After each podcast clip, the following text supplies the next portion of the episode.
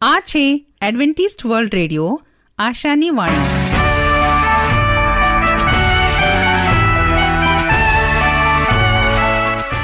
અમારા આજના પ્રસારણમાં તમારો હાર્દિક સ્વાગત છે. આજે તમારા માટે અમે ખૂબ સુંદર સ્વાસ્થિક અને આત્મિક વિચારો લાવ્યા છીએ. પણ તે પહેલા સાંભળો, દેવની સ્તુતિમાં આ સુંદર ગીત.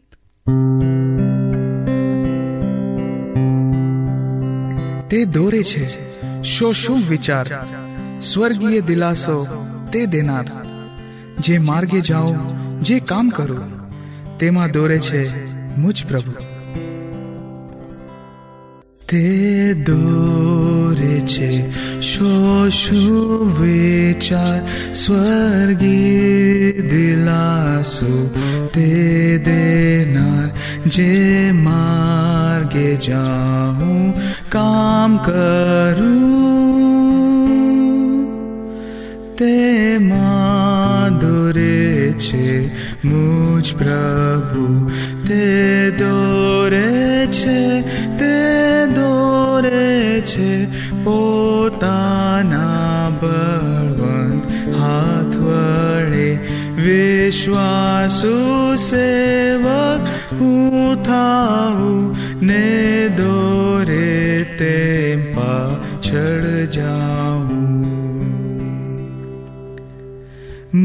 મુજબળ હાથ તેના હાથમાં ને હું કરું નહીં કચ કાંઈ જે સ્થળ કે સ્થિતિમાં રહું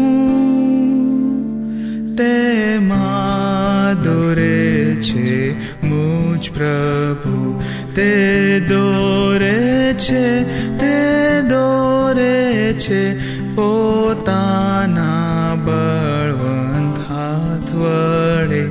વિશ્વાસુ સેવા હું થાઉં ને દોરે તે પાછળ જાઉં.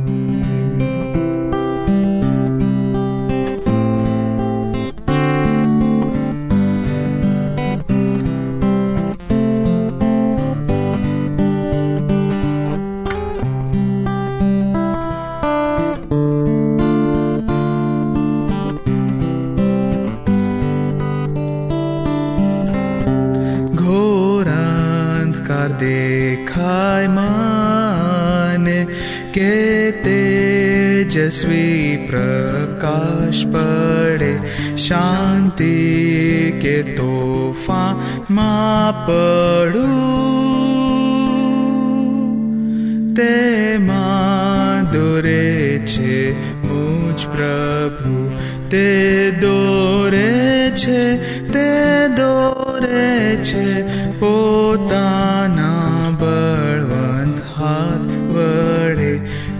વિશ્વાસુ સેવક હું થાઉં ને દોરે તે પાછળ જાઉં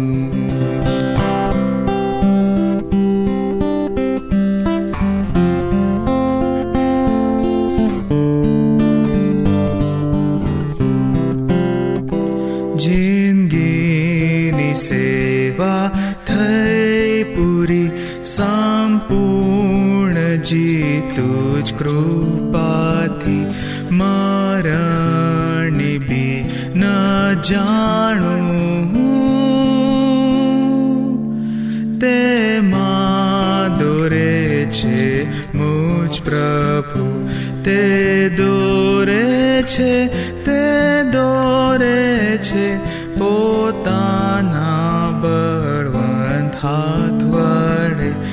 વિશ્વાસુ સેવા હું થાઉં ને દોરે તે પાછળ જાઉં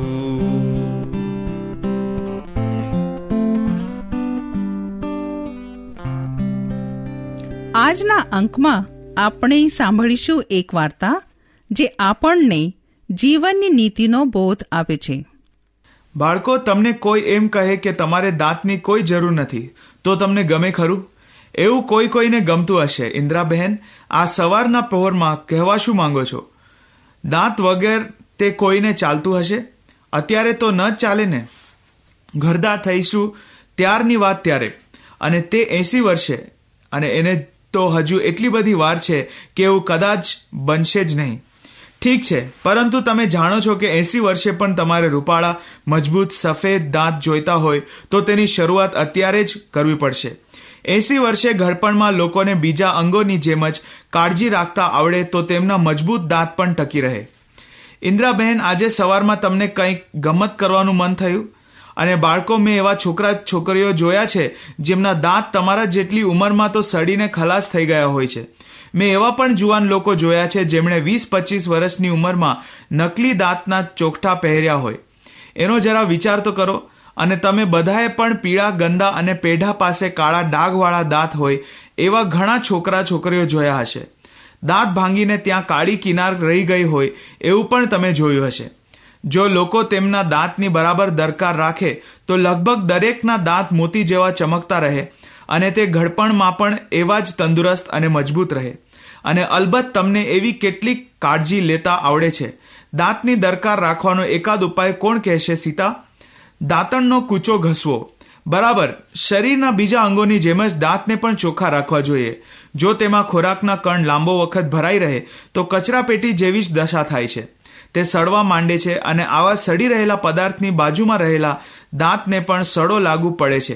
તેથી તે કાળો દેખાય છે અને તેમાં ક્યારેક કાણું પડી પોલો થઈ જાય છે. તેના પોલાણને દાંતના ડોક્ટર પાસે પુરાવી દઈએ તો દાંત બચાવી શકાય છે.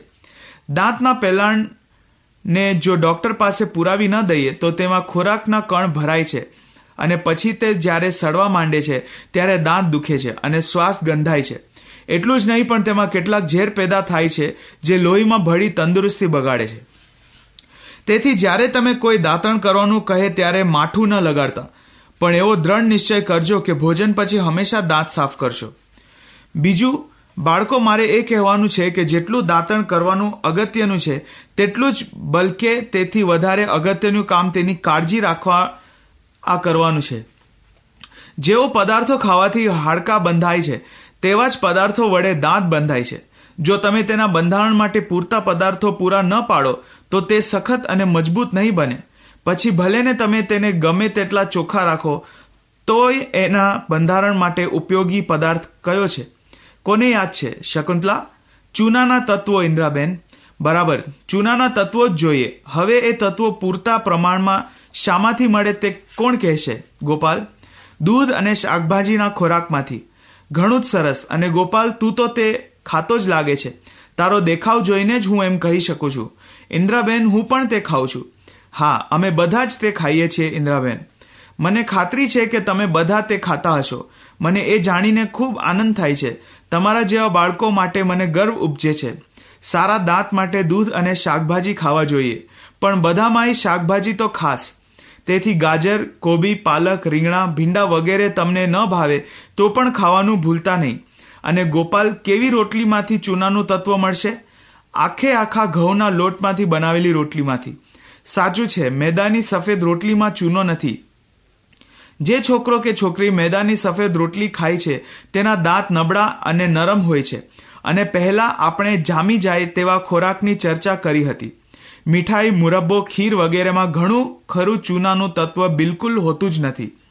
કુદરતી ગળપણવાળી ચીજો જેમ કે મધ, ખજૂર અને સૂકી દ્રાક્ષ વગેરેમાં ચૂનાના તત્વો હોય છે. સાકર અને ચૂનાને એકબીજા જોડે એટલું સારું ફાવે છે કે આપણે જો ચૂના વગરની સાકર ખાધી હોય તો શરીરમાં જ્યાં ચૂનો હોય ત્યાંથી તે મેળવી લે છે. તેથી જે બાળકો ખાંડવાળી ચીજો અને મીઠાઈ ખાધા કરે છે, તેમના દાંત નબળા હોય છે. એટલા માટે આપણે ચૂનાવાળો ખોરાક પૂરતા પ્રમાણમાં લેવો જ જોઈએ. હવે આપણા દાંત સરસ મજાના અને મજબૂત કેવી રીતે રહે તે વિશે થોડું કહું.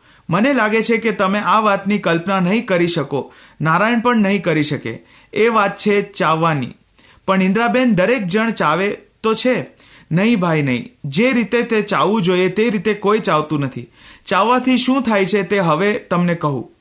આપણે જ્યારે વાસી ભાખરીના ટુકડા, કઠણ ટોસ્ટ, કઠણ બિસ્કિટ, સફરજન, સોપારી અને કાચા શાકભાજી જેવા સખત પદાર્થો ચાવીએ છીએ, ત્યારે પેઢા પર લાગતું દબાણ ત્યાંથી વાસી ગયેલા લોહીને દૂર હાકી કાઢે છે અને નવું તાજું લોહી લાવે છે. શરીરને માલિશ કરવાથી અને ચોળવાથી ક્રિયા જેવી જ આ ક્રિયા છે. અને આ રીતે લોહીને દાંતને ઉપયોગી પદાર્થો પૂરતા પ્રમાણમાં પહોંચાડી શકે છે.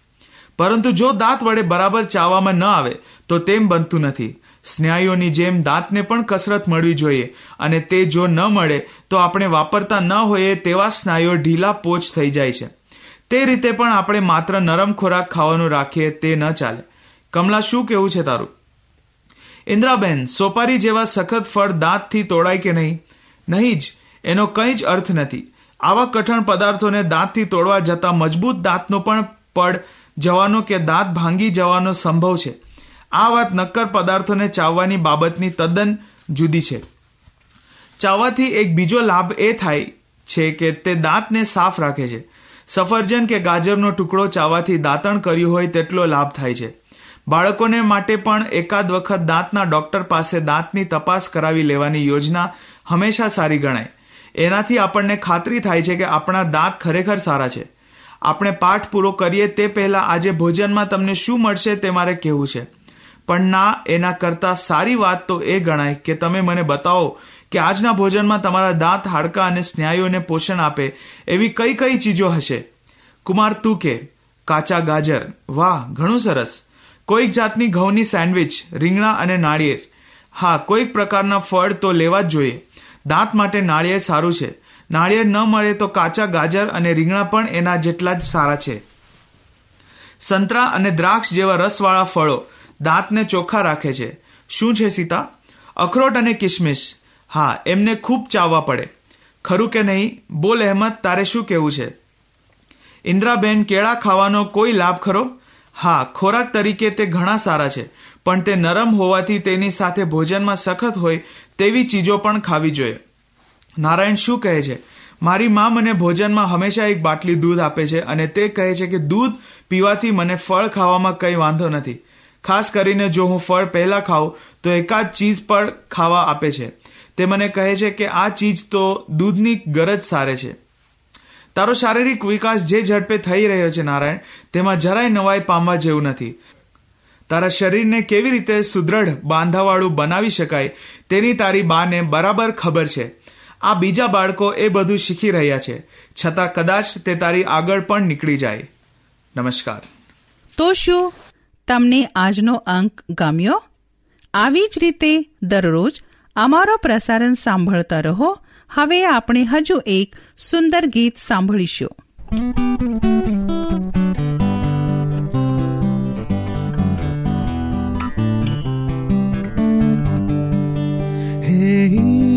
ઈસુ તુમારો હું પ્રીતિ કરું ને પાપો નામો સંદા દૂર ધરું ઉગાર્યો મને તે હે ત્રાતા કૃપાળ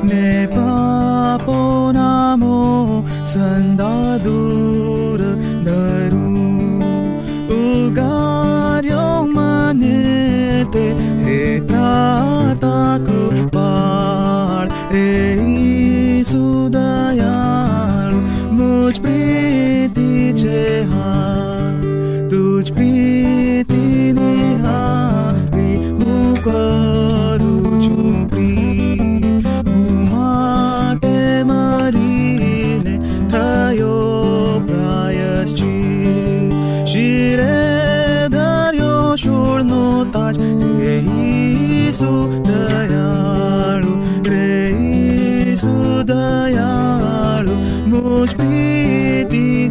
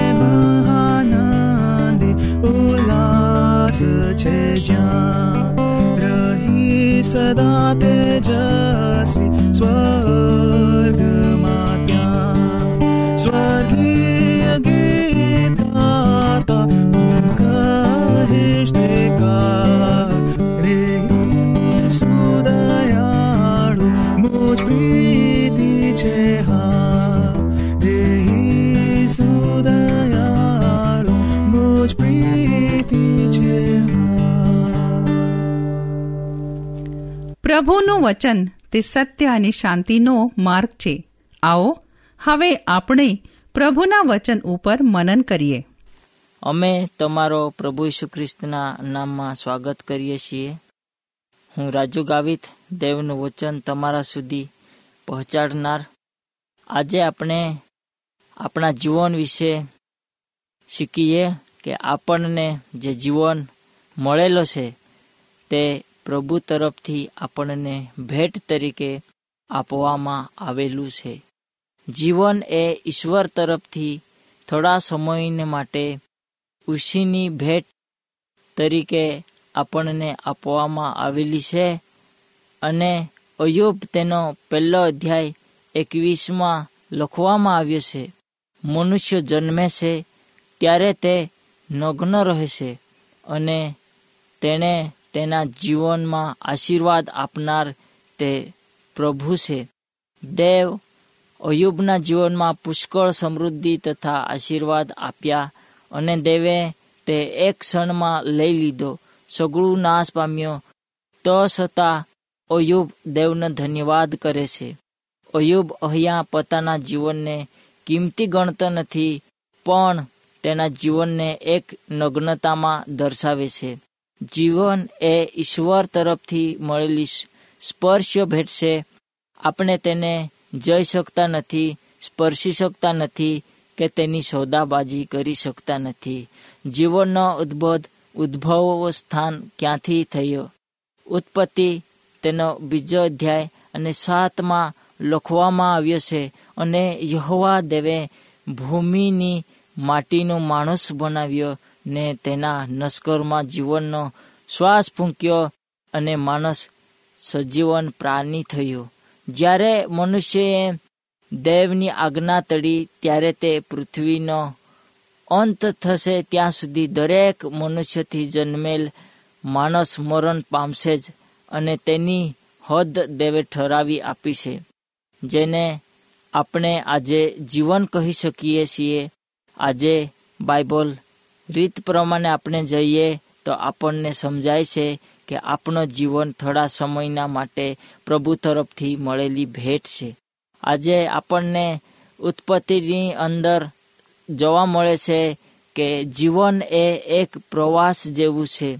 એવું લખવામાં આવ્યું છે. ઉત્પત્તિ સુડતાલીસમો અધ્યાય અને નવની અંદર યાકુબે ફારૂનના હજુરમાં પોતાના વીતેલા વર્ષને એક પ્રવાસની ઉપમા આપી છે. તેણે કહ્યું, મારા પ્રવાસના દિવસો એકસો ત્રીસ વર્ષ જેટલા થાય છે. જીવન એ પૃથ્વીની અનંતકાળ સુધીની મુસાફરી છે. આપણે જઈએ છે કે આપણા જીવનની અંદર આપણે આ એક મુસાફરી જેવો જીવન જીવી રહ્યા છે. આપણને ગમે કે ના ગમે, પણ આપણે આ પ્રવાસમાં મુસાફરી કરી રહ્યા છીએ. જન્મે, જન્મ એ સ્વયંચલિત શરૂઆત છે. કેટલાક માટે તે લાંબો લાંબો પ્રવાસ હોય છે, કેટલાક માટે તે ખૂબ ટૂંકો પ્રવાસ હોય છે. જ્યારે માણસ પ્રવાસમાં હોય છે, ત્યારે તેને ખબર નથી પડતું કે આપણી મંજિલ ક્યાં છે અને ક્યારે પૂરી થશે. અને જ્યારે તેની મંજિલ અચાનક આવે છે અને તે વાહનમાંથી ઉતરી જાય છે તેવું મનુષ્યનું એક મુસાફરી જેવો જીવન છે. તેની મુસાફરી પૂરી થઈ જાય છે અને તે આ પૃથ્વી પરથી પોતાનો એક મુસાફરી જેવો જીવનને પૂરો કરી નાખે છે. ગીતશાસ્ત્રો તેનો નેવુંમો અધ્યાય અને નવમાં એવું લખવામાં આવ્યું છે, જીવન એ વાર્તા સમાન છે. અમારા જીવનના સર્વ વર્ષો રસમાં વીતી જાય છે. જ્યારથી મનુષ્ય જન્મે છે ત્યારથી તેનું નામ આ જગતમાં લખવામાં આવે છે અને તેને આ જગતની દરેક બાબતોનું, પ્રસંગોનો, તે રસમાં તે જીવન વિતવવા લાગે છે. તેનું બાળપણ અને જુવાનીપણું, ગરડુપણું, આ સર્વમાં જે દુઃખો, બીમારીઓ, કામો, ધંધા, રોજગારો અને દરેક દુઃખથી ભરાયેલા દિવસોને તે સામનો કરે છે, ત્યારે પોતાનું જીવન વાર્તા જેવું પૂરો થાય છે એવું તેને લાગે છે. તેને ખબર પડતો નથી અને તેના જીવનના આયુષ્યો પૂરો થઈ જાય છે. એટલે બાઇબલ આજે આ જીવનને વાર્તા સમાન ગણે છે. બીજો સમુએલ તેનો ચૌદમો અધ્યાય, ચૌદમાં આપણને એવું જોવા મળે છે, આપણું જીવન ઢળાયેલો પાણી જેવું છે.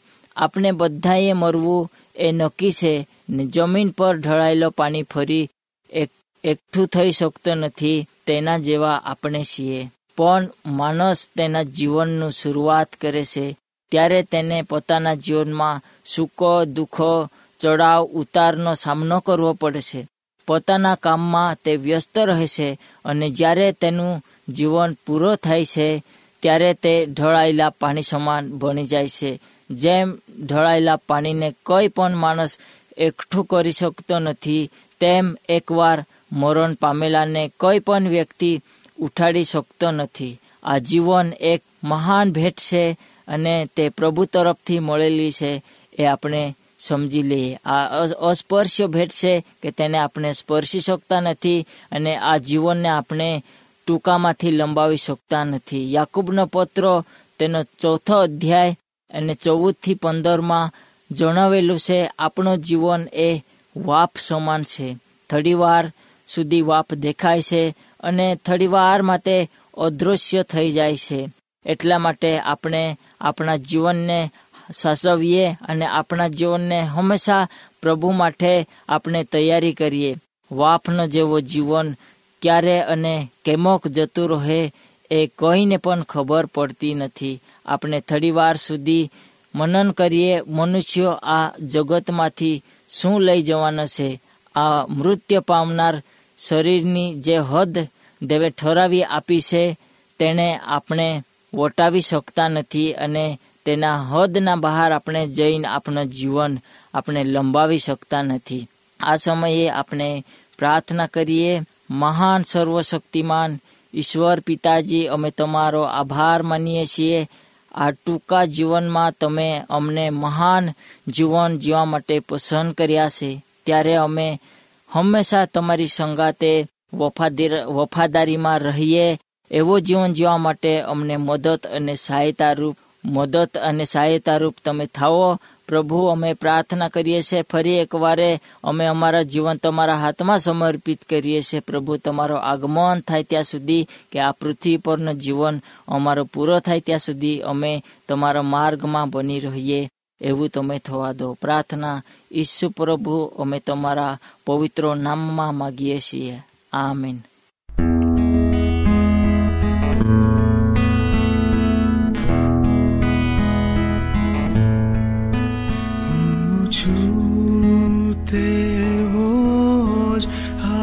હાક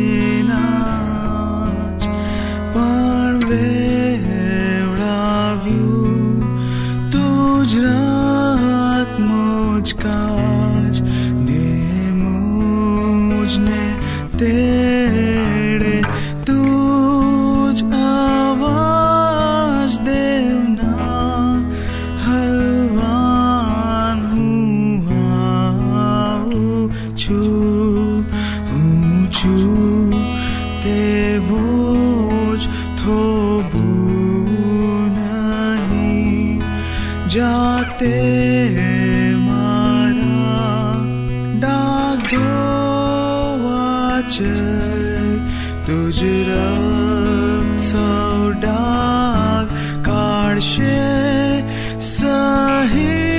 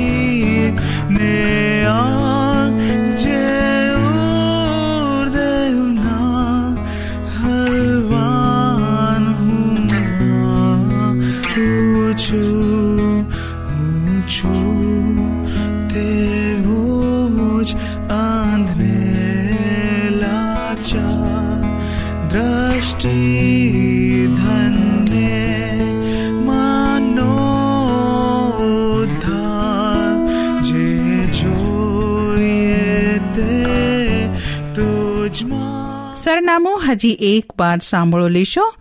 Adventist World Radio, post box number એક ચાર ચાર છે સેલેસબરી પાર્ક, પુણે ચાર એક એક શૂન્ય ત્રણ સાત. આ સાથે અમારો આજનો કાર્યક્રમ અહીં જ સમાપ્ત થાય છે. ફરી મળીશું આજ સમયે, આજ મીટર બેન્ડ પર. ત્યાર સુધી પ્રભુ તમારી સાથે રહે.